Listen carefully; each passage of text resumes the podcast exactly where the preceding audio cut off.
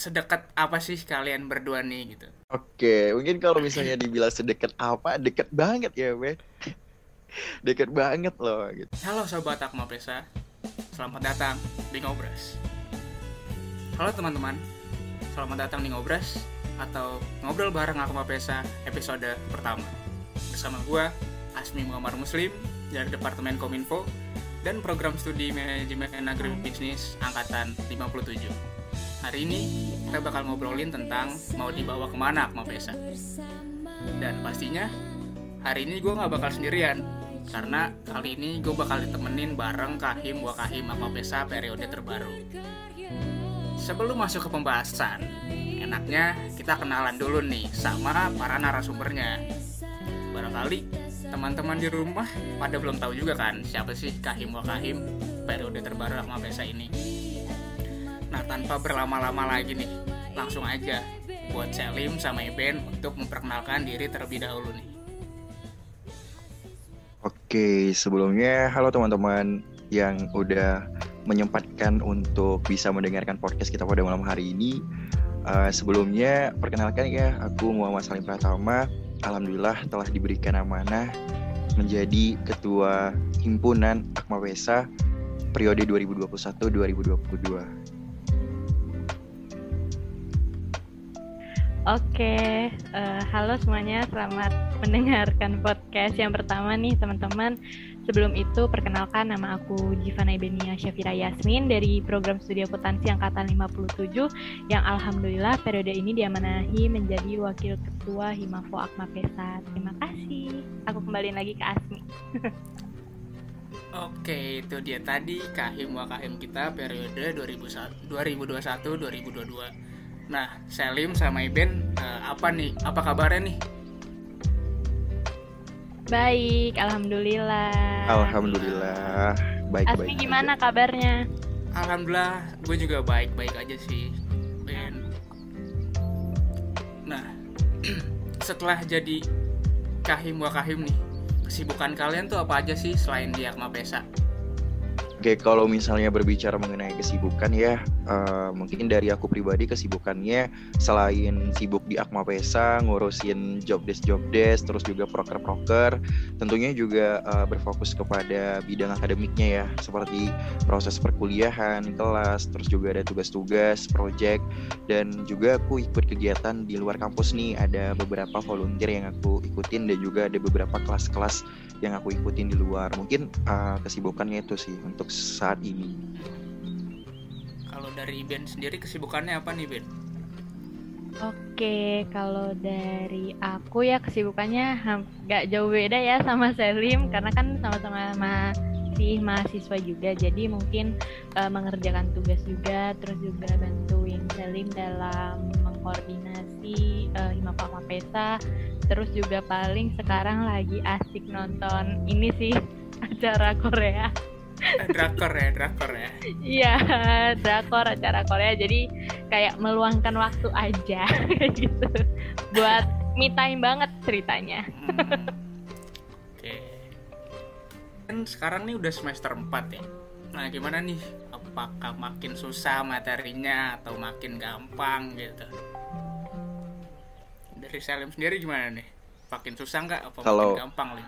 Iya, kalau dari aku pribadi sih untuk di semester 4 ini ngerasa lumayan berat ya gitu, tapi ya dijalanin aja gitu. Karena kalau misalnya dijalanin dinikmati ya semua pasti terasa gampang ya. Dan ya aku ngejalaninnya enjoy ya selama ini. Jadi mungkin kalau misalnya dibilang berat banget sih enggak dan dibilang gampang banget juga enggak. Jadi ya middle lah kalau dari Ben gimana nih Ben? Susah nggak oh. Ben atau malah makin gampang nih Ben? Oke okay, kalau dari semester mungkin uh, semakin naik berarti kan tingkat kesulitannya juga pasti semakin sulit lah ya. Cuman iya tetap kayak di bawah apa ya di bawah aja ya? Hmm, tapi tetap serius. Terus juga sekarang lebih ngerasa asik juga sih di semester 4 karena kan kita tahu lah ya bahwa kita tuh angkatan corona di mana angkatannya tuh online terus. Habis itu uh, di semester 4 ini dikasih kesempatan sama pihak kampus untuk melakukan hybrid jadi serunya di situ sih kayak datang ke kampus belajar di sana kayak gitu Hmm, Oke, berarti emang bukan gua doang yang ngerasain makin susah ya kalian juga. Nah, oke. Ngomong-ngomong nih tentang Akma Pesa. Nah, gue mau tahu dulu dong, kenapa sih kalian tertarik eh, buat join Akma Pesa dibanding join ke organisasi lain di IPB gitu? Mungkin dari Iben dulu kali ya. Oke, kalau mengingat kenapa lebih milih Akma Pesa, dulu itu sebenarnya aku tuh kan nggak ada background organisasi ya waktu SMA. Jadi sebenarnya aslinya tuh emang nggak mau niat daftar organisasi apa-apa gitu, karena kayak takutnya nggak keterima kan. Cuman eh, melihat Himafu Akma Pesa ini mewadahi tiga prodi serumpun juga, yang di mana aku kan akuntansi ya, jadi kayak ya udahlah coba aja siapa tahu keterima. Kayak untung-untungan aja gitu. Sebenarnya pengen coba-cobain aja sih. Tapi kalau misalnya kalau dulu nggak keterima juga nggak apa-apa. Karena aku tuh tahu kalau aku tuh bukan anak yang apa ya waktu SMA bukan suka yang berorganisasi. Aku tuh dulu SMA sukanya main-main doang. Jadi bener-bener nggak expect buat keterima Akma Pesa kayak gitu sih. Kalau dari Selim nih kenapa nih lu? Kam, eh, lu mau masuk ke Akma Pesa? Ya, mungkin kalau dari aku ya, kenapa sih aku bisa masuk ke Aquapesa? Karena highlight yang pertama itu adalah Aquapesa. Jadi selama masa MPKMB nih, eh, yang masuk ke mindset aku kayak aku tuh tertariknya tuh cuman di Aquapesa karena dari Aquapesa itu sendiri ya teman-teman mungkin di sini tahu ya dari Aquapesa kan dia eh, berbicara mengenai tentang ekonomi dan bisnis gitu di mana itu adalah suatu passion aku juga ya. Jadi maka dari itu uh, aku memutuskan untuk bisa join nih di Akma Pesa dan aku berharap ilmu ekonomi bisnisnya itu bisa uh, dapat dan nantinya aku bisa merealisasikannya gitu. Tapi di samping itu juga uh, aku percaya sih kalau Akma Pesa ini merupakan suatu platform yang cocok buat mengasah kepemimpinan baik itu secara soft skill dan hard skill gitu. Jadi ya emang niat awalnya tertarik sama Akma Pesa sih gitu. Jadi ya itu alasannya karena ya tertarik sama ekonomi bisnis dan lingkup lingkupnya pun juga tentang itu. Dan kayak gitu sih. Iya sama ini gak sih Lim dulu cutting banyak yang nawarin Akma Pesa jadi kayak eh, apa ya Iya keharusan bener. Iya. Heeh, jadi banyak nih dari eh, cutting-cutting gitu, khususnya dari kakak-kakak PJPS-nya kan ada beberapa kakak-kakak PJPS-nya yang notabene juga anak Akma- Akma Pesa. Nah mereka mengajak nih anak-anak didikannya nih terutama buat bisa join ke Akma Pesa gitu. Karena dijelasin tuh benefitnya kayak gini gini gini. Nah itu yang makin bikin kita yakin buat join gitu. Dan aku pribadi sih selama join di Akma Pesa eh, pada proses-proses eh, open recruitment-nya pun juga percaya diri. Aku pasti keterima gitu. Karena aku nggak pernah mikir yang alah seorang Selim gak mungkin gak keterima gitu Optimis Kayak banget ya. iya karena aku punya jiwa optimis yang kuat gitu ya kayak Hmm. aku yakin sesuatu hal yang aku kejar itu harus terus dikejar dan emang bener-bener harus percaya diri sama apa yang kita kejar gitu itu sih Oke. Nah, informasi singkat aja nih buat teman-teman di, di rumah. Iben sama Selim nih punya pernah punya pengalaman menarik nih. Nah, contoh yang pertama nih Selim pernah jadi pemateri di Canvassing IPB Ghost to School 2021. Nah, terus kalau Iben sendiri nih, dia tuh pernah juara dua lomba podcast tim di Aggregation 2021. Nah, eh, dari Selim sama Iben nih, boleh nggak sih diceritain sedikit tentang pengalamannya itu? Nah, nah Selim dulu deh boleh.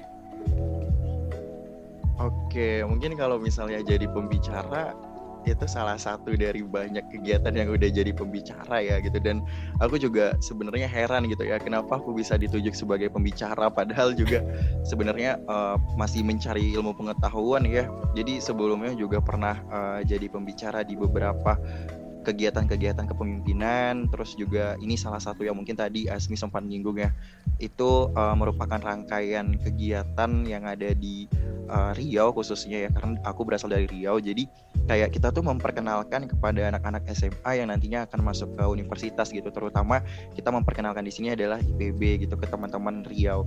Nah jadi ya itu uh, di situ aku sempat jadi panitianya juga ya jadi sembari jadi panitia dan ngisi juga tuh di acara roadshow-nya gitu kayak ngasih materi-materi tentang apa sih IPB itu gitu. Terus bagaimana sih IPB kira-kira uh, eh, IPB itu ada apa aja gitu. Nah jadi kita emang benar-benar uh, ngasih tahu ke adik-adik bahwasannya IPB itu nggak tentang pertanian aja gitu. Tapi banyak sektor yang sudah di yang ada di IPB kayak gitu. Terus juga kayak uh, jadi pembicara di kepemimpinan gitu. Nah mungkin karena apa ya karena mungkin dari teman-teman merasa aku mampu ya buat ngisi materi pada saat itu tentang kepemimpinan ya.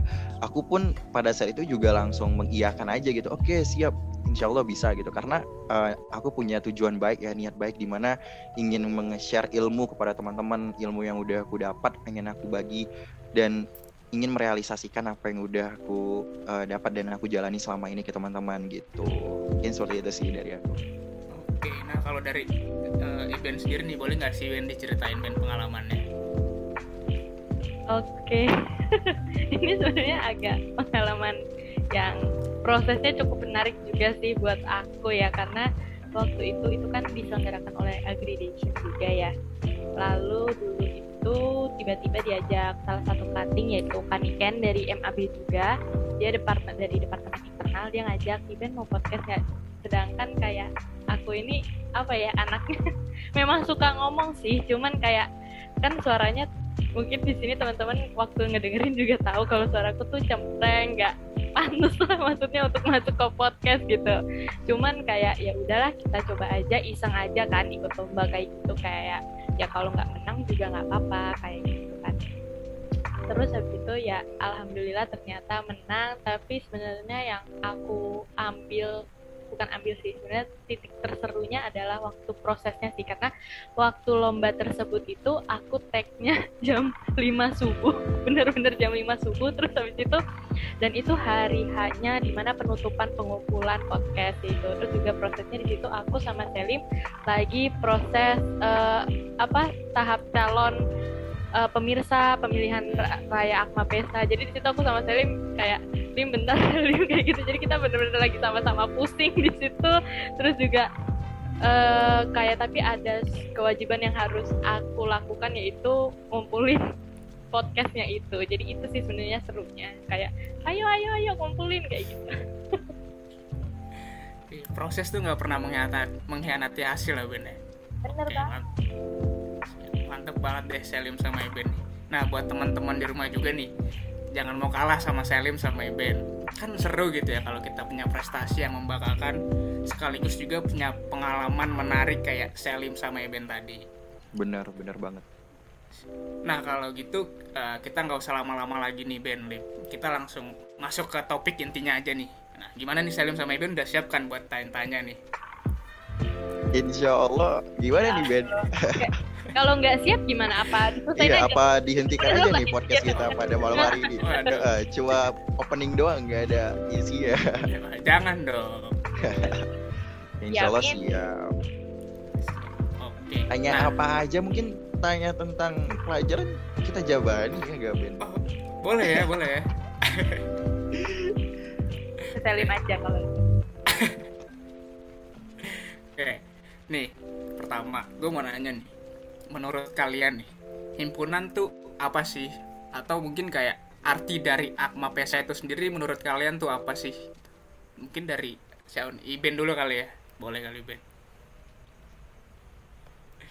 Oke, kalau himpunan sendiri sama seperti organisasi ya, sebuah wadah di mana kita uh, belajar dari berorganisasi, kepemimpinan, juga bekerja sama sama teman-teman yang lainnya gitu mungkin kalau dari Akma Pesanya sendiri ya uh, sejujurnya karena udah hampir mau dua tahun juga sama Akma Pesa menurut aku Akma Pesa tuh cukup spesial sih di aku karena jujur kayak rangkaiannya tuh cukup panjang banget Asmi. Kayak uh, apa ya kayak dari kita oprek terus habis itu keterima terus habis itu dulu itu aku sempat jadi BPH umum juga di Bendahara terus juga sekarang jadi uh, wakil tuh apa ya kayak kalau diingat-ingat lagi tuh ternyata prosesnya panjang banget. Jadi menurutku Akma Pesta tuh apa ya kayak sebuah keluarga kedua sih karena cukup banyak yang aku lewatin bareng-bareng sama teman Akma Pesta apalagi di mana waktu itu ada titik di mana aku lagi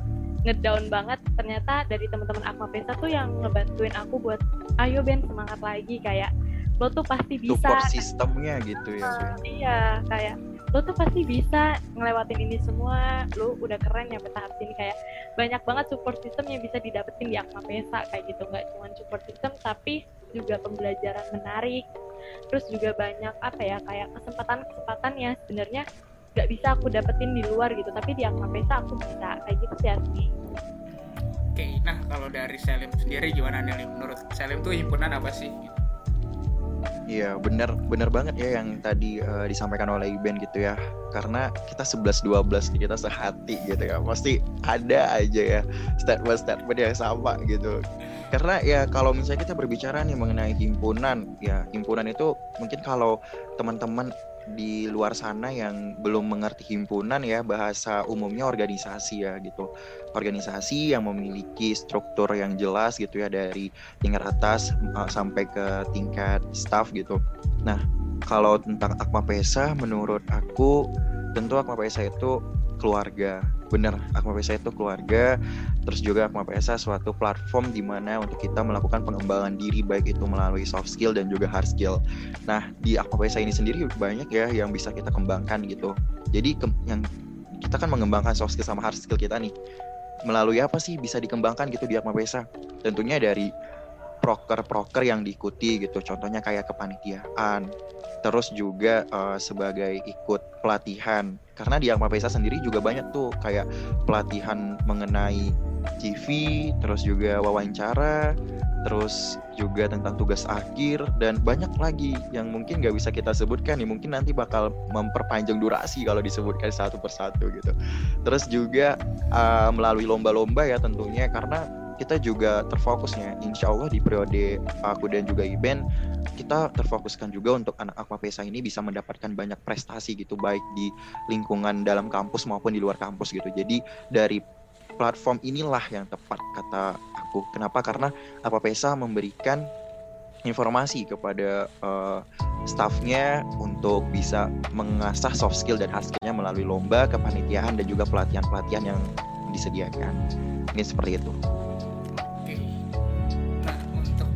selanjutnya nih, mungkin ya lebih ke personal gitu sih ya Ben Lim. Eh, Oke, sedekat apa sih kalian berdua nih gitu? Kan eh, kalian nih bareng-bareng udah dari akhir tahun 2021 ya kalau nggak salah. Eh, dari awalnya masih ngomongin visi misi, terus akhirnya kepilih nih jadi kahim wakahim Akma Pesa nih. Nah, sedekat apa sih Iben sama Selim ini gitu? Mungkin dari Selim dulu boleh. Oke, mungkin kalau misalnya dibilang sedekat apa, dekat banget ya, Ben. dekat banget loh, gitu. Karena kita sebenarnya nggak nggak nggak apa ya baru kenal itu bukan di akhir 2021 ya, tapi sebelum itu kita dari awal periode di uh, periode sebelumnya itu di kabinet Bima Karya kita juga udah deket, udah sempat uh, ngobrol-ngobrol juga. deh karena kita sama-sama pimpinan ya, karena dari aku pribadi di Gema Karya, kabinet Gema Karya itu selaku wakil ketua dari Departemen Ekonomi Kreatif.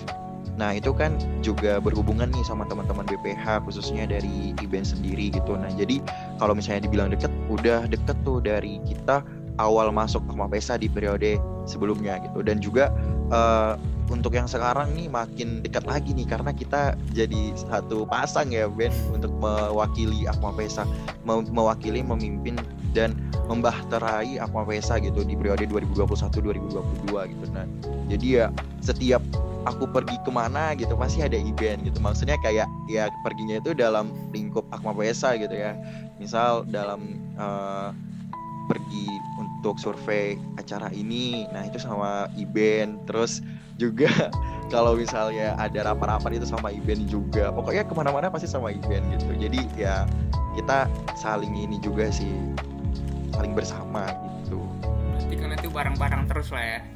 Iya, tiap tiap hari. Asli demi Allah ini tiap hari ketemu sama Iben mulu nih. Gak bosen itu ya, gak bosen-bosen deh. Ya, mm, gimana ya? Agak mm, di balik layar aja ya kalau itu nanti Iya, jawab eh, eh, bener. Gak enak di sini nih. nah kalau dari Ben nih menurut Ben gimana sih Ben uh, kedekatan kalian tuh oh kalau kedekatan kayaknya saya sendiri sih yang ngerasa so deket oh enggak enggak enggak gitu ya enggak enggak enggak kita kita cukup deket ya karena pun juga benar kata Selim dari awal kita juga udah cukup kenal karena ada satu lingkup jadi pimpinan di kabinet Bima Karya dulu. Terus juga waktu proses pembuatan visi misi pokoknya di proses pemirsa itu ya nambah dekat karena e, gimana ya secara mau nggak mau kita harus menunjukkan sifat asli kita dan kayak oke okay, kekurangan gue ini kekurangan lu ini kita saling lengkapi gitu. Tapi lengkapinya dalam uh, pasangan calon ya bukan pasangan hidup. Ya beda. Agak agak nanti dibantai ini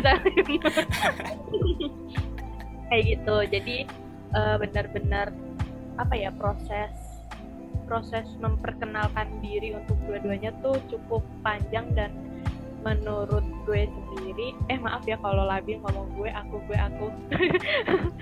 Oh, uh, kak, untuk proses sendiri tuh menurut gue kayak Salim bisa mengimbangi dan gue pun juga bisa mengimbangi Salim gitu. Kayak di mana di satu titik kayak gue lagi emosi banget gitu. Kayak ada sesuatu yang bikin gue emosi tapi Salim kayak ya udah nggak apa-apa sabar. Jadi dia yang selalu jadi uh, penenang gitu loh kayak netral kayak gitu. Cuman ada di satu titik juga ketika Selim seperti itu gue juga kayak gitu. Jadi kayak benar-benar harus bisa apa ya membaca situasi sih. Jadi kayak nggak bisa dong kalau semuanya api dilawan api juga gitu. Iya saling melengkapi intinya itu kunci nah, dari kita ya kan betul. Oke nah kalian kan berarti bisa dibilang tuh deket lah ya udah deket lah. Pernah nggak sih kalian tuh kayak beda pandangan sampai adu argumen gitu kalau kayak gitu gimana sering ya Ben ya hampir iya. hampir setiap forum ada ya. aja yang dan iya. kadang itu buat kita kayak no no, no. iya ada ada Iya, tapi kita kalau misalnya beda pendapat gitu ya tentunya balik lagi nih kita berdiskusi. Kira-kira kita cari jalan tengahnya seperti apa gitu. Ya nggak kita nggak egois ya tentunya karena ini kan buat kepentingan orang banyak gitu ya. Nggak mungkin kita tetap mempertahankan nih keegoisan kita. Tentunya kita harus ada diskusi dulu gitu. Kita cari jalan tengahnya bareng-bareng kayak gitu sih. Tapi kalau misalnya dibilang konflik, alhamdulillah kita nggak ada konflik sama sekali nih sama Iben. Jadi emang terapinya dijaga nih. Berarti jal, uh, kalau kalian beda pendapat tuh jalan tengahnya tuh komunikasi ya penting banget ya. Kayak okay. pasti tahu aja sih kayak kalau pendapat kayak gini atas dasar apa kayak gitu. Kenapa lu berpendapat seperti ini kayak gitu? Jadi kayak kita sebenarnya nyari oh ya udah mana nih yang sebenarnya lebih bagus keputusan kayak gitu. Cuman kalau konflik konflik berantem berantem kecil berbeda pendapat juga pasti ada kayak gitu. Kayak kadang gue berbuat salah Selim marahin. Kadang Selim berbuat salah gue marahin. Jadi kayak pokoknya kalau memang kita berdua ada salah kayak gitu kita saling ingetin sih. Kayak Selim nggak boleh gini Iden nggak boleh gini sama-sama saling ingetin aja gitu ya berarti ya oke nah kalau boleh tahu nih apa sih yang melatar belakangi kalian untuk mau memimpin Himafo Akmapesa periode tahun 2021-2022 ini? Nah, mungkin Iben duluan deh boleh jawab. Oke, yang melatar belakangi ini ini buka-bukaan di sini bagaimana Boleh nggak apa-apa, nggak apa-apa. ini prosesnya agak ini kayaknya kalau kabinet Gema Karya denger ini kayaknya ketawa-tawa juga deh. Sejujurnya melatar belakang kalau dulu itu gue emang sempet tertarik sih untuk menjadi wakahim ya. Cuman tapi kayak sempet doang gitu nggak nggak setelah pas waktu pemirsa kemarin itu gue mau jadi wakahim karena kayak ada orang yang ngasih tahu kayak sebenarnya ini uh, banyak pendapat gitu yang masuk ke telinga gue jadi kayak ada orang yang bilang kayak kasih coba kasih kesempatan ke yang lain gitu kan. Anggota Akmapesa tuh banyak gak cuman aku doang gitu. Jadi kayak ya udah gue coba buat kayak ayo teman-teman siapa nih yang mau jadi lain gitu tapi ada orang lain juga berpendapat kayak uh, ini loh Ben lu udah ada peluangnya kenapa nggak diambil? Kayak gitu. Kesempatan kan nggak datang dua kali juga kan kayak gitu. Uh, terus sebenarnya latar belakangnya waktu itu tuh buka aja kali ya Lim di sini ya. Waktu itu gue itu gimana ya wah gitu. Waktu itu waktu itu gue itu udah mau jadi wakahim cuman kemarin itu sempet kayak agak susah mencari pasangannya kayak gitu. Kayak maunya siapa nih yang cocok sama gue? Kayak gitu. Karena gue kan tipe orang yang sebenarnya cukup keras ya dan agak kadang tuh agak susah dibilangin gitu. Jadi kayak siapa nih yang kira-kira bisa mengimbangi gue dan uh, ngebantu gue? Kayak gitu. Nah terus habis itu kita ngebujuklah Selim. Terus mungkin uh, untuk cerita Selim mau jadi kahim mungkin bisa ke Selim aja kali ya Mi? Kayak boleh, kenapa boleh. nih dia tiba-tiba mau jadi kahim nah kenapa tuh Lim? Kenapa tuh Lim? Boleh kali ceritain nih iya oke. Okay. ini kayaknya emang agak fluktuatif gitu ya ceritanya naik turun naik turun gitu. Karena siklusnya emang maju mundur maju mundur gitu buat bisa join uh, untuk berani nih kita coba sebagai calon kahim dan wakahim pada saat itu. Jadi kalau dari aku pribadi ya jujur ini jujur emang bener. Aku baru pertama kali hari pokoknya kayak seminggu pertama baru diterima di Akma Pesa itu langsung bilang gini oke okay, periode depan aku jadi kahimnya gitu. Karena aku pengen ngelanjutin tongkat estafetnya Kak Hafid gitu kan. Karena Kak Hafid kan dulu dari wakil ketua Departemen Ekonomi Kreatif jadi kahim. Nah aku juga nih wakil ketua Departemen Eko eh, Ekonomi Kreatif nantinya harus jadi kahim gitu kan. Jadi waktu itu mikirnya gitu. Nah seiring berjalannya waktu aku merasa bahwasannya udah banyak tanggung jawab yang udah dipegang. Terus aku juga udah banyak mendapatkan pembelajaran yang aku rasa cukup gitu. Dan untuk di dalam kampus cukup gitu kan. Karena proses pembelajaran itu aku dapatkan gak hanya di Akma Pesa saja tentunya ya. Aku ikut proker-proker di luar Akma Pesa juga. Contohnya seperti ada di BEM terus juga ada uh, latihan kepemimpinan yang dilaksanakan oleh BEM terus oleh Ditmawa juga pernah sempat waktu itu. Jadi aku merasa ilmu yang aku dapatkan dari dalam kampus itu udah cukup gitu. Sering berjalannya waktu nih udah aku uh, kalau misalnya aku ngambil atau mencalonkan diri sebagai calon ketua himpunan ya di periode selanjutnya tentunya aku harus banyak-banyak mengabdi gitu ya di dalam kampus gitu. Bukan menutup kemungkinan untuk nggak bisa ikut di luar ya cuman maksudnya kayak prioritasnya gitu kan. Prioritasnya lebih ke dalam kampusnya gitu. Yang kita bina atau bukan yang bina sih maksudnya kita pimpin gitu. Nah jadi uh, pada saat itu aku ngerasa aku butuh ilmu yang lebih lagi tapi dari luar kampus gitu. Aku pengen ikut kegiatan di luar kampus baik itu kegiatan komunitas volunteer atau kayak kepanitiaan-kepanitiaan dari luar ya yang diselenggarakan oleh organisasi-organisasi yang apa ya yang non profit tentunya tapi yang bukan dari institusi. Nah jadi kalau misalnya aku nanti ikut jadi cakahim aku lah harus memprioritaskan diri aku untuk di dalam kampus gitu. Maksudnya untuk di Akma Pesanya gitu. Jadi ya enggak dulu deh gitu kan. Udah banyak nih dan aku juga udah nyusun planning nih nantinya kalau misalnya uh, untuk di periode ke depan aku jadi anggota di Departemen Ekonomi Kreatif gitu. Udah ada planningnya aku pengen nggak pengen A B C D gitu udah tersusun. Nah seketika nih masuklah ke masa-masa pemirsa gitu ya. Kalau di Aquapesa itu namanya pemirsa pemilihan raya Aquapesa. Nah di situ sempat banyak yang ngasih masukan, ngasih saran, pendapat gitu kan ke aku. Karena mereka menilai aku tuh adalah orang yang mampu. Aku yang bisa memimpin banyak orang gitu di Aquapesa. Tapi dari aku pribadi pada saat itu masih kayak 11 apa ya masih setengah-setengah nih.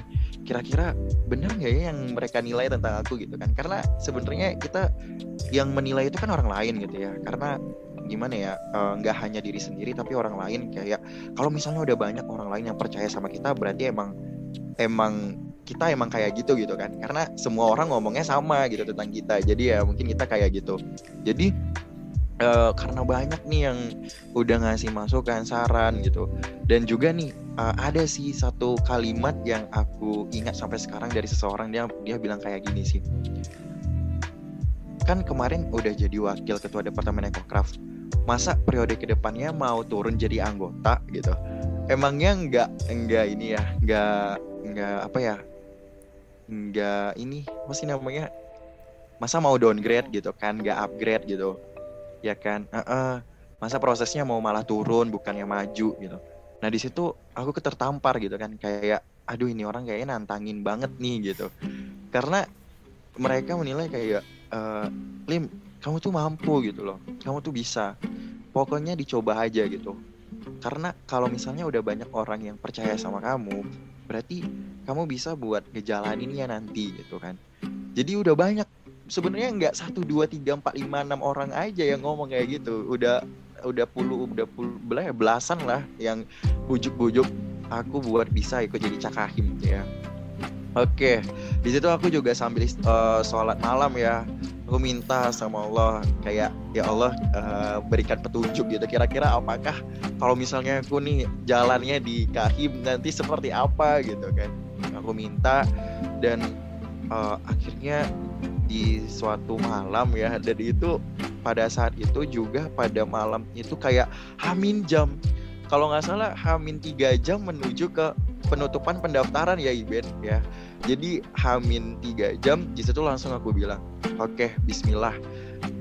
Atas restu Allah dan izin mama papa saya ikut menjadi calon uh, ketua himpunan gitu bersama saudari Jivana Ibenia Syafira Yasmin gitu. Itu di jam jam 8 malamnya itu aku ngechat salah satu pimpinan, terus pimpinan tersebut langsung bilang nih ke kayak apa ya bisa dibilang mungkin ke teman-teman lainnya gitu kan kalau eh ini si Salim sama Iben jadi nih Cakahim sama Cawakahim gitu. Nah, jadi nih Hamin tiga jam kita nyusun nyusun resume ya kita nyusun resume, siapin berkas, CV gitu. Dan itu bener-bener kayak dadakan banget nih gitu kan. Mungkin ngambil keputusannya bukan dadakan ya, karena prosesnya panjang yang tadi udah aku ceritain gitu kan. Uh, jadi aku ngambil keputusannya emang bener-bener udah cukup matang gitu. Dan akhirnya di Hamin tiga jam itulah yang paling teringat sampai sekarang gitu momennya gitu. Dan itu berlanjut sampai besok pagi. Bahkan paginya aku ngecat event Ben kayaknya aku gak jadi deh. Iya jadi jadi berkasnya itu udah sampai di kumpul ya Ben. Berkasnya tuh udah kita bayangin kami jadi gua Mi? Gimana? Rasanya tiba-tiba dia iya. pagi-pagi ngecat kayak gitu kayak iya. apa nih? Jadi berkas sudah kita serahkan ke internal. Tiba-tiba paginya aku bilang dan kayaknya aku mundur jadi cakahim karena aku gini gini gini gini gitu. Aku, aku terus Iben lah yang nguatkan gitu kan dia ngasih kata-kata motivasi ya udah pokoknya uh, kamu harus ingat kayak gini gini gini gini gitu kan. Ya udahlah Bismillah ya kita tetap jalani sampai ikuti semua rangkaiannya mulai dari apa itu yang diklat ya dari diklat terus juga kampanye sampai debat dan pada akhirnya pemungutan suara. Nah di pemungutan suara ini alhamdulillah ya dari aku dan Iben mendapatkan 600an suara. Jadi kayak wah masya Allah banyak nih. 600an orang percaya sama kita berdua untuk untuk mem, nah memahkodai Akma Pesa untuk periode 2021 2022 gitu kan. Aku aku terharu sih di situ kayak mau nangis gitu. Kenapa? Karena nggak nyangka gitu loh. Mungkin orang di luar sana ada yang belum terlalu mengenal kita berdua. Kayak kita gitu loh buat memimpin Akma Pesa gitu. Kayak wow kalian keren banget gitu kalian hebat udah mau mempercayai kita berdua gitu kan. Jadi aku sempat terharu juga kayak berdoa juga ya tentunya bersyukur sama Allah gitu. Karena mungkin ini udah termasuk skenario dan jalannya Allah juga gitu.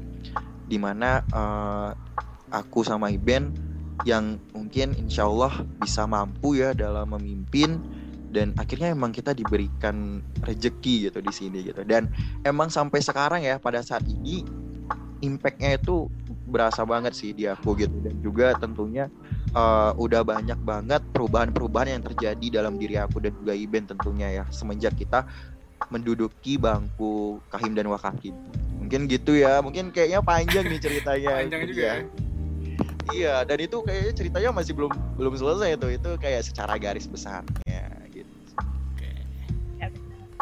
Oke nih. Ah, pertanyaan selanjutnya nih. Mungkin eh, agak berat nih pertanyaannya Limben. Nah, Himafo Akma Pesa 2021-2022 nih. Arahnya mau dibawa ke mana sih, Lim? Ben, mungkin Salim dulu nih boleh.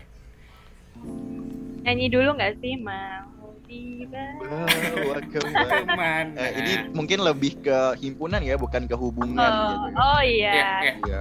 Niatnya mau bikin cabang nggak sih Lim di Bekasi Iya. katanya? coba Akma Pesa cabang Bekasi gitu ya boleh boleh boleh nanti bisa tuh di- dibicarakan gitu biar Iben nggak bolak balik gitu ya karena nunggu KRL ke arah Bekasi itu capek gitu Apa ya? Jauh banget ya? iya benar banget oke mungkin kalau misalnya berbicara mengenai Akma Pesa itu mau dibawa ke mana tentunya dari periode aku dan Iben ya insya Allah Akma Pesa harus mengikuti perkembangan zaman gitu. Nah perkembangan zaman di sini kan lebih ke teknologi ya teman-teman. Karena kita udah ada di industri 4.0 dan era globalisasi juga gitu. Nah Aqua Pesa saat ini kita menggiring untuk bisa beradaptasi dengan teknologi dan juga beradaptasi dengan kondisi yang kayak gini ya, kondisi pandemi gitu. Nah, jadi kita adaptasinya seperti melakukan proker-proker yang secara hybrid. Jadi ada beberapa proker yang uh, di Aqua Pesa itu kita lakukan secara hybrid. Nah, itu suatu tantangan juga ya karena sebelumnya nih di periode Gema Karya kan kita banyak mayoritas ya dominan itu semua proker dilakukan secara online.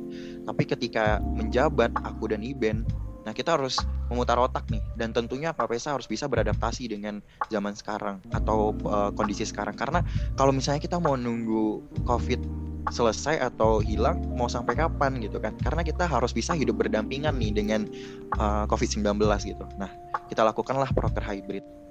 Nah insya Allah dengan kita ngelakuin proker hybrid ini merupakan salah satu bentuk nyata dari kita bisa beradaptasi dengan uh, kondisi yang saat ini gitu.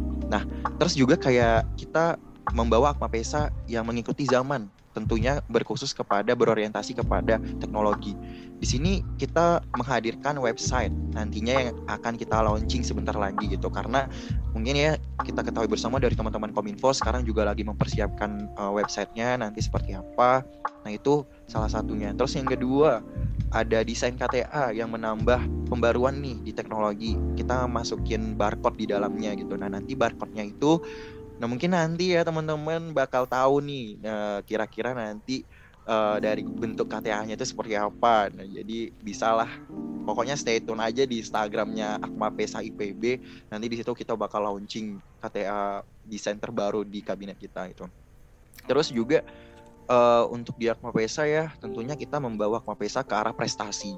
Karena Akma Pesa nggak hanya prestasi di bagian ormawanya saja, tetapi kita berfokus kepada prestasi yang diraih oleh tiap-tiap uh, staff yang ada di Himafo Pesa gitu. Baik itu prestasi mandiri terus juga dari uh, Kemendikbud Ristek Dikti gitu. Dan juga tentunya mempertahankan prestasi-prestasi yang udah diraih oleh Pesa sebelumnya gitu. Mungkin itu sih kalau dari aku. Oke, nah kalau dari Ben mungkin ada tambahan Ben? Oke, benar banget ya tadi yang Dede. Mungkin kayak udah disebutin semua juga, mungkin kayak lebih mengecilkan sedikit ya kayak sebenarnya kita lebih memang ada sebuah perubahan ya teman-teman karena kan kalau dulu itu eh, karena covidnya lagi tinggi tingginya ya mungkin juga sekarang juga covid kayaknya lagi nambah terus ya tapi karena dulu itu masih pembaruan eh, mengenai apa uh, protokol kesehatan juga jadi kayak kegiatan dilakukan secara online. Cuman karena sekarang itu benar yang kata Selim kita mencoba untuk hidup berdampingan gitu. Tapi tetap menjaga protokol kesehatan kita melakukan beberapa uh, program kerja yang dilaksanakan secara hybrid nah untuk Hima Fakma Peta sendiri mau dibawa ke mana arahnya?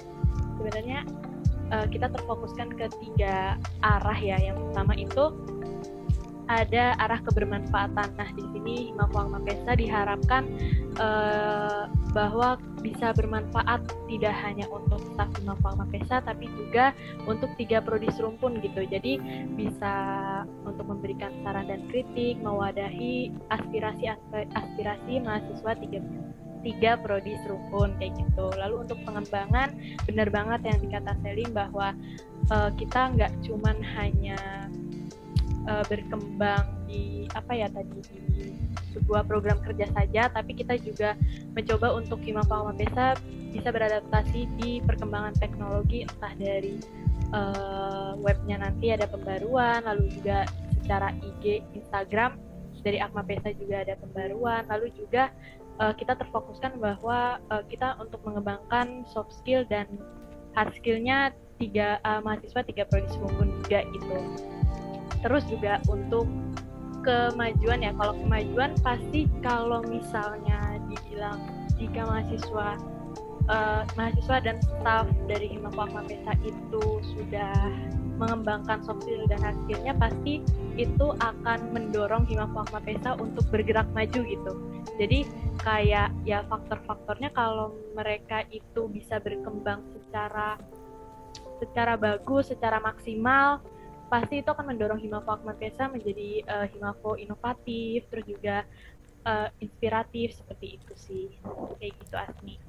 Oke, berarti lebih ke arah teknologi ya, Ben. Nah, sel selanjutnya nih, agak berat juga nih pertanyaannya nih. Uh, menurut kalian, gimana sih caranya agar seluruh anggota Akma Pesa dapat mencapai tujuan Akma Pesa itu sendiri? Meskipun uh, mungkin dalam tujuannya kan mereka mau masuk Akma Pesa mungkin berbeda ya. Nah, gimana sih menurut kalian uh, caranya agar anggota Akma Pesa itu dapat mencapai tujuan Akma Pesa itu sendiri gitu? Mungkin dari Selim dulu, boleh. Oke, mungkin kalau berbicara mengenai tujuan ya, bagaimana cara kita bisa bikin tujuan Aquabesa itu tercapai gitu dari sekian banyak orang yang isi kepalanya itu pasti berbeda gitu. Nah, eh, jadi dengan cara kita harus bisa saling menerima pendapat karena kita sadari ya bahwa setiap orang memiliki pemikiran yang berbeda. Jadi jika seseorang memiliki pemikiran yang berbeda dengan kita, bukan berarti mereka itu salah, tetapi keduanya itu memiliki nilai yang benar dengan sudut pandang yang berbeda. Nah, jadi sebenarnya kita harus bisa saling menerima pemikiran itu satu sama lain gitu. Perlahan akan menyatukan kedua pemikiran yang berbeda tersebut. Jadi serta menemukan jalan tengah dengan baik tanpa adanya emosi ataupun um, salah paham nantinya. Begitu sih. Jadi kalau kita bisa menerima pendapat dari masing-masing orang yang isi kepalanya beda-beda dan itu kita didiskusikan dulu tuh terlebih dahulu. Kita sama-sama cari jalan tengahnya kita sama-sama cari jalan keluarnya kita menghargai setiap orang yang berpendapat gitu. Kita bukan menentang mereka itu salah mereka itu benar gitu. Karena setiap pada dasarnya ya setiap setiap pendapat itu emang harus kita hargai dan juga harus kita terima gitu. Karena kita kan ada ya tentunya undang-undang tentang uh, kebebasan berpendapat gitu. Karena kita adalah negara yang demokrasi. Nah jadi ya itu tadi ya, kita harus bisa saling menerima pendapat dan juga opini dari teman-teman gitu. Karena toh sebenarnya kalau misalnya semakin banyak pendapat, semakin banyak juga nih kita bisa mendapatkan sebuah informasi dan semakin kritis kita dalam menghandle suatu masalah atau suatu forum gitu ya. Karena uh, dari situ kita bisa belajar gitu, belajar bermusyawarah mufakat gitu, belajar demokrasi gitu kan. Dan tentunya dari isi kepala yang berbeda-beda itu juga muncul inovasi-inovasi baru nantinya gitu. Semakin banyak isi kepala maka semakin banyak pula hal-hal baru yang akan dihasilkan nantinya. Gitu sih kalau dari aku. Oke berarti harus open minded lah ya. Nah kalau iya dari... benar banget. Oke nah kalau dari Iben sendiri gimana nih Ben menurut Iben? Oke, aku setuju sih sama yang dibilang Selim tadi ya. Uh, kayak uh, kan setiap anggota itu memiliki tujuan tersendiri ya untuk bergabung ke Himafa Mapesa.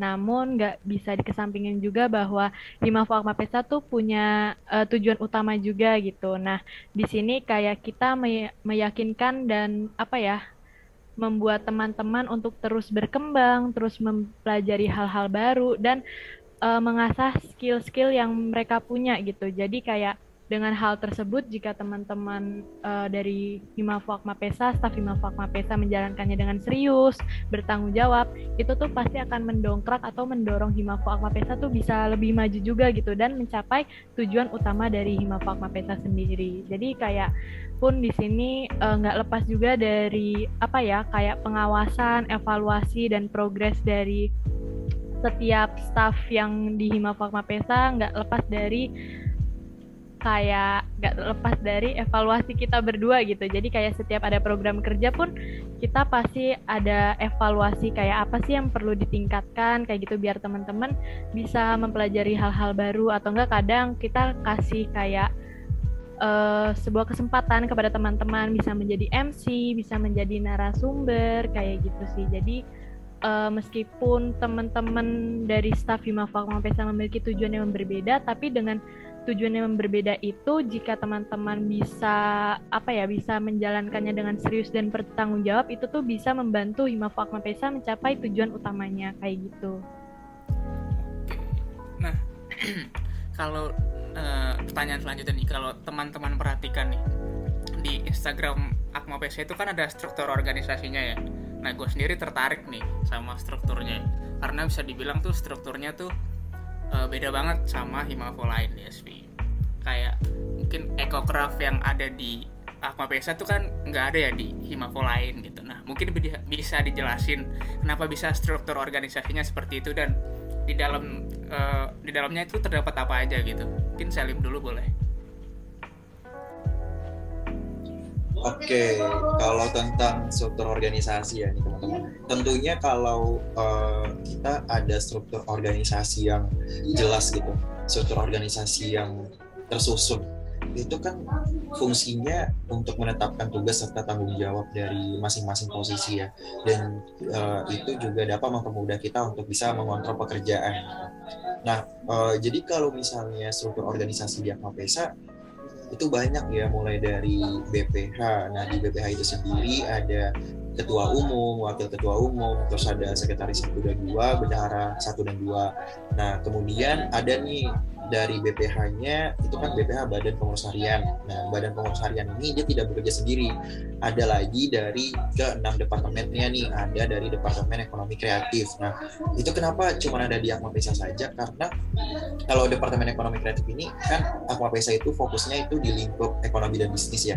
Maka dari itu kita harus ada menghadirkan departemen yang bekerja di bidang tersebut gitu ya karena fokus kita juga di ekonomi dan bisnis gitu nah dari departemen ekonomi kreatif itu sendiri itu ada ketua departemen waktu ketua departemen sekretaris satu dan dua terus juga ada bendahara satu dan dua kemudian uh, staff dari departemen ekonomi kreatif. Kemudian ada dari departemen eksternal. Sama susunannya juga dengan uh, kayak departemen ekonomi kreatif.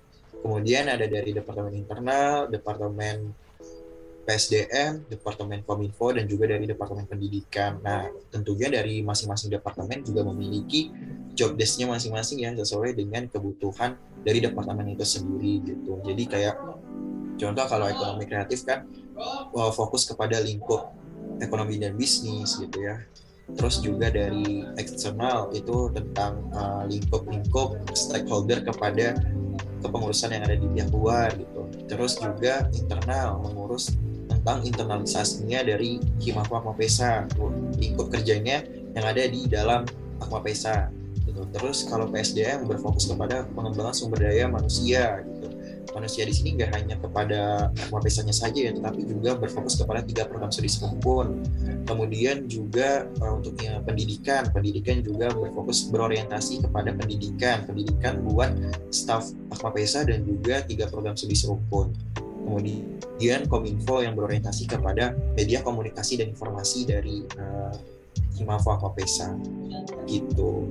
Terus mungkin uh, bisa tuh langsung ditambahkan pada Iben oke nah mungkin Iben mau nambahin uh, pernyataan dari Salim tadi Ben?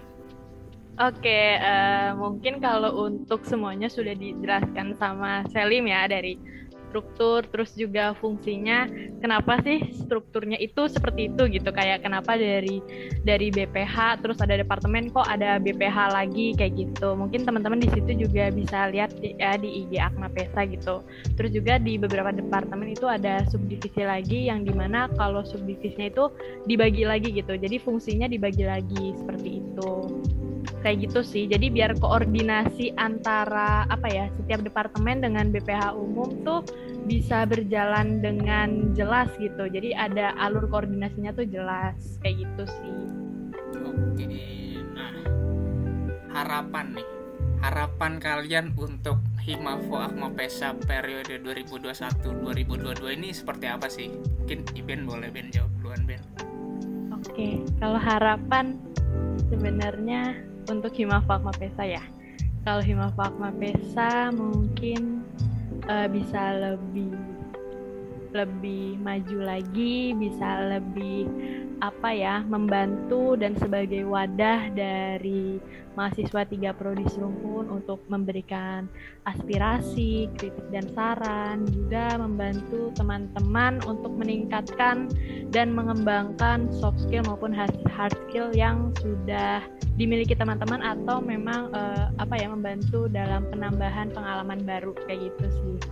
Jadi kayak di sini aku benar-benar berharap bahwa Hima Fakma Pesa tuh nggak cuman sebuah apa ya nggak cuma sebuah organisasi yang ngebantu kalian tapi aku juga berharap bahwa uh, Hima Fakma Pesa ini bisa menjadi keluarga kalian gitu nggak cuman sebatas lo gue temen kerja dah gitu aja. Tapi nggak ada rasa kekeluargaan di antara kalian kayak uh, aku nggak mau kayak gitu. Tapi aku mau kayak gimana kalian merasa uh, Hima Fakma Pesa ini keluarga tapi tidak menghilangkan rasa profesional kalian ketika menjalankan sebuah program kerja seperti itu sih.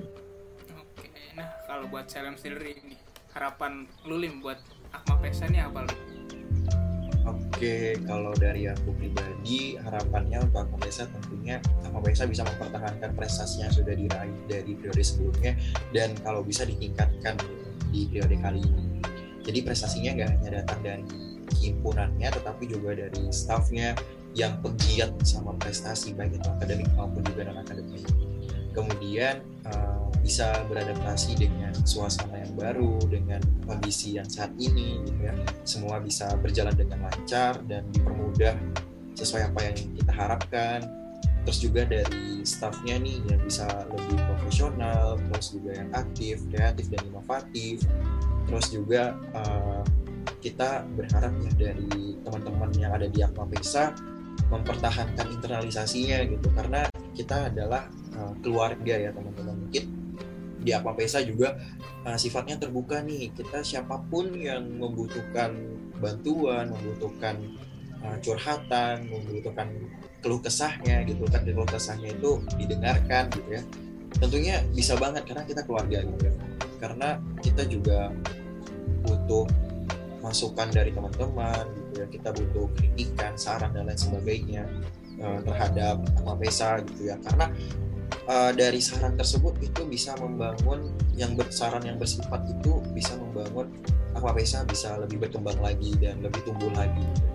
dan yang terakhir semakin terdepan sih karena kita adalah the real number one the real number one oke okay. yeah. oke nih pertanyaan terakhir nih Lim Ben ada nggak sih kalimat motivasi atau quotes quotes lah dari kalian buat mahasiswa-mahasiswa yang sedang belajar mengenai organisasi di sekolah vokasi ini?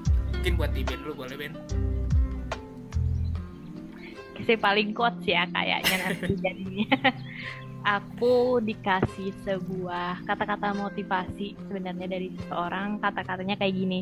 A star wants to see themselves rise to the top a leader wants to see those around them become a star. Jadi aku berharap buat teman-teman yang mengikuti organisasi nantinya bahwa kita sebagai uh, apa ya pemimpin dari organisasi atau teman-teman uh, yang membantu dalam sebuah organisasi pengen ngelihat kalian itu mencapai puncak dari keberhasilan diri kalian sendiri kayak gitu jadi kalian mencapai hal-hal tersebut sebagai uh, ke, uh, sebagai uh, organisasi ini sebagai wadah kalian gitu untuk mencapai keinginan-keinginan kalian nantinya kayak gitu membantu kalian dalam mencapai target yang sudah kalian tetapkan kayak gitu. Terus jadi aku minta bukan minta sih, kayaknya lebih kayak memberikan semangat bahwa kalian semangat untuk tetap berproses dan berprogres ya. Terus juga uh, jadikan sebuah organisasi itu uh, sebuah tempat pembelajaran dan gali terus potensi-potensi atau peluang-peluang yang ada di organisasi tersebut kayak gitu sih kalau dari aku. Jadi jangan nyerah kayak gitu. Sebagai batu loncatan lah ya betul. untuk mengasah skill-skill betul banget. Kalau kata kalau kata orang dulu gini kalau capek itu bilang jangan ngilang kayak gitu. Karena kalau misalnya tiba-tiba di ghosting sakit ya bener iya, banget. ya, mungkin Asmi kayaknya pernah ngerasain ya. Iya. Salim sini kayaknya iya kayaknya aku sih makanya aku bisa ngomong ya kayak gitu sih mungkin ya kata-kata motivasinya jadi kayak tetap semangat teman-teman dalam berproses jadi uh, memang ka, uh, bakal capek, bakal kayak kalian bakal ngerasa capek, bakal ngerasa berat, tapi nikmatin aja. Nanti pasti ada hasil yang pasti kalian dapatkan kayak gitu. Bawa enak aja ya. Nah, buat Selim nih, ada nggak sih motivasi atau quotes-quotes dari lu Lim buat mahasiswa-mahasiswa yang sedang belajar mengenai organisasi di sekolah vokasi ini? Oke, tentunya aku mau bilang ke kalian adalah kalian itu orang yang beruntung gitu. Kalian diberikan kesempatan untuk mengasah soft skill dan hard skill kalian dan inilah momen yang tepat dan inilah waktu yang tepat untuk kalian bisa mengasah soft skill dan hard skill kalian sebelum nantinya kita akan terjun ke dunia entrepreneur ataupun uh, sebagai karyawan di perusahaan negeri ataupun perusahaan swasta gitu ya. Tentunya kalian itu adalah orang-orang yang hebat kalian adalah orang-orang yang pemberani yang mau berusaha dan mau belajar untuk mengasah diri gitu kalian mau mendapatkan ilmu kepemimpinan di sini tentunya kalau misalnya kalian udah uh, masuk ke lingkungan organisasi ingat ingat aja tujuan kalian gitu. Kenapa sih kalian masuk organisasi? Terus juga kalian uh, ingat aja benefit-benefit atau keuntungan yang bisa kalian dapatkan setelah kalian nanti join ke organisasi. Contohnya, kalian akan mendapatkan banyak pengalaman, terus juga bisa belajar mengatur waktu, memiliki banyak relasi, terus melatih jiwa kepemimpinan, lebih percaya diri, dan bisa melatih komunikasi, dan juga sebagai sarana untuk mengembangkan kegemaran dan juga kemampuan yang kalian miliki gitu. Jadi kalian gak rugi. Kalian gak rugi untuk bisa bergabung dan diberikan kesempatan untuk bisa berorganisasi di masa uh, kuliah ini. Karena kalau misalnya kita lihat ya ada ya survei yang mengatakan bahwasannya orang yang tidak mengikuti organisasi ketika dia menghadapi dunia pekerjaan itu dia agak sulit. Karena dia belum mendapatkan ilmu atau keterampilan dalam memanajemen karena kalau di organisasi sendiri itu hampir sama ya dengan organisasi-organisasi perusahaan gitu. Mungkin kalau organisasi di lingkungan kampus itu secara kecilnya nanti ketika kita udah terjun ke dunia kerja itu adalah organisasi secara besarnya. Karena pada dasarnya eh, perusahaan itu juga memiliki tatanan organisasinya kan mulai dari ketua, wakil, terus manajer-manajer gitu dan juga staff-staffnya. Nah itu sama di organisasi kampus juga seperti itu.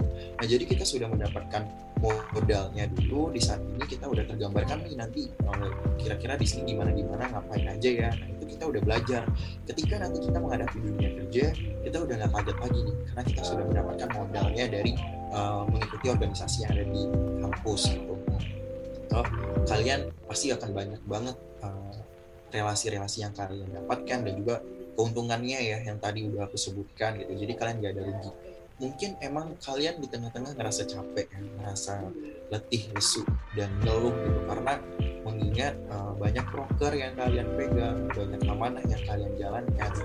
Jadi kalian merasa kayak, waduh berat banget, banyak waktu aku yang terbuang, aku jadi jarang main. Intinya kalian ingat aja tujuan kalian di sini apa, kalian kenapa bisa masuk organisasi itu apa. Pokoknya diingat aja itu terus gitu. Dan juga ingat uh, teman-teman semuanya di sini masuk ke organisasi pasti mengejar keuntungannya kan dan itu juga berdampak positif kepada kalian intinya kalian juga harus uh, butuh motivasi yang kuat dari banyak orang yang udah kalian percayai juga dalam melakukan proses pembelajaran dan uh, mengembangkan diri kalian dan jadikanlah organisasi itu bukan suatu beban ya tetapi suatu langkah di mana kalian bisa mengembangkan banyak hal gitu di organisasi tersebut mungkin seperti itu sih Nah, itu dia tadi. Oke, seru banget nih pembahasan kita kali ini. Sampai nggak kerasa nih, kita ternyata udah di akhir pembahasan.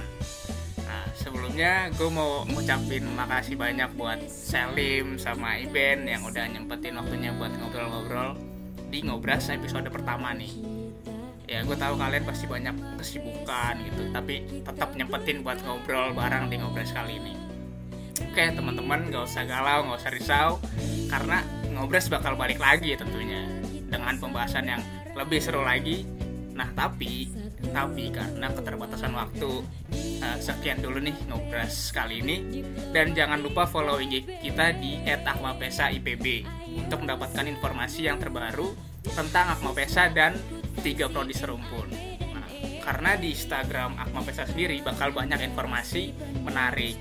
Oke, sampai jumpa di episode selanjutnya. Majukan